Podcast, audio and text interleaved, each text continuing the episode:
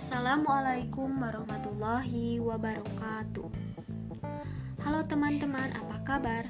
Perkenalkan, nama saya Aisyah Nurrohman dari kelas 2019A dari program studi Pendidikan Kewarganegaraan Universitas Pendidikan Indonesia. Pada podcast kali ini, saya akan menjelaskan mengenai sumber-sumber hukum Islam. Apa sih yang dimaksud dengan sumber hukum Islam dan apa sajakah yang menjadi sumber hukum Islam? Yuk dengerin podcast ini sampai selesai ya. Sumber hukum Islam merupakan suatu rujukan atau dasar yang utama dalam pengambilan hukum Islam. Sumber hukum Islam artinya sesuatu yang menjadi pokok dari ajaran Islam. Sumber hukum Islam dibagi menjadi dua, yaitu sumber hukum Islam yang disepakati para ulama dan juga sumber hukum Islam yang masih diperdebatkan. Sumber hukum Islam yang disepakati oleh para ulama ada empat, yaitu satu Al-Quran. Al-Quran merupakan kitab suci umat Islam dan sumber hukum Islam yang pertama, yaitu kalamullah yang diturunkan kepada Nabi Muhammad Wasallam.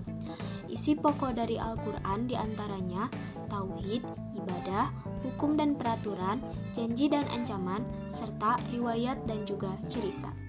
Yang kedua adalah sunnah. Sunnah ialah yang terpuji dan dibiasakan. Segala sesuatu yang disampaikan atau diberikan oleh Nabi Muhammad Wasallam yang harus diyakini kebenarannya. Yang ketiga adalah ijma ulama. Apa sih yang dimaksud ijma ulama itu? Ijma ulama merupakan kebulatan pendapat semua ahli mujtahid kaum muslimin yang berada pada suatu masa tertentu, suatu hal yang berkaitan dengan hukum syara. Nah, ada tiga syarat jika kita ingin menjadi ijma ulama. Yang pertama yaitu memiliki pengetahuan Al-Quran dan Sunnah, yang kedua yaitu memiliki kemampuan bahasa dan yang ketiga memahami ushul fiqh. Yang keempat adalah kias. Kias yaitu sebuah usaha untuk menerangkan sesuatu yang sebelumnya tidak terdapat nasnya dalam Al-Quran maupun Sunnah dengan cara membandingkan dengan sesuatu yang ditetapkan hukumnya berdasarkan nasnya. Selanjutnya adalah sumber hukum Islam yang tidak disepakati atau mukalaf. Sumber hukum Islam yang tidak disepakati atau mukalaf ada delapan, yaitu yang pertama adalah istihsan. Istihsan yaitu menganggap baik terhadap sesuatu secara berlebihan. Kemudian yang kedua adalah istishab. Istishab yaitu melanjutkan berlakunya hukum yang telah ada dan yang telah ditetapkan karena suatu dalil sampai ada dalil lain yang mengubah hukum-hukum tersebut. Kemudian yang ketiga adalah maslahah al-mursalah, yaitu segala sesuatu yang dianggap maslahah namun tidak ada ketegasan hukum ataupun dalilnya. Nah, yang keempat ada uruf adat istiadat. Uruf adat istiadat yaitu sesuatu yang tidak asing lagi bagi suatu masyarakat karena telah menjadi kebiasaan. Kemudian yang kelima ada syadu azaria. Syadu azaria ialah menutup kemungkaran. Nah, kemudian yang keenam ada man koblana.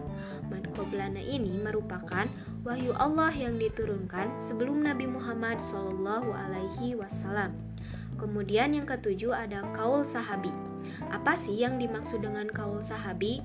Kaul sahabi ini merupakan fatwa-fatwa yang dikeluarkan oleh sahabat Nabi Muhammad Wasallam yang tidak diatur nasnya dalam Al-Quran maupun Sunnah. Kemudian selanjutnya ke yang kedelapan atau yang terakhir yaitu dalalatul iktiron.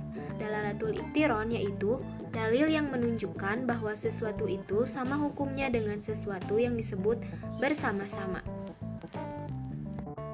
Nah, gimana? Sekarang sudah jelaskan apa saja yang menjadi sumber hukum Islam serta pengertian hukum Islam itu sendiri? Terima kasih ya telah mendengarkan podcast ini sampai selesai. Sampai jumpa di podcast berikutnya. Wassalamualaikum warahmatullahi wabarakatuh.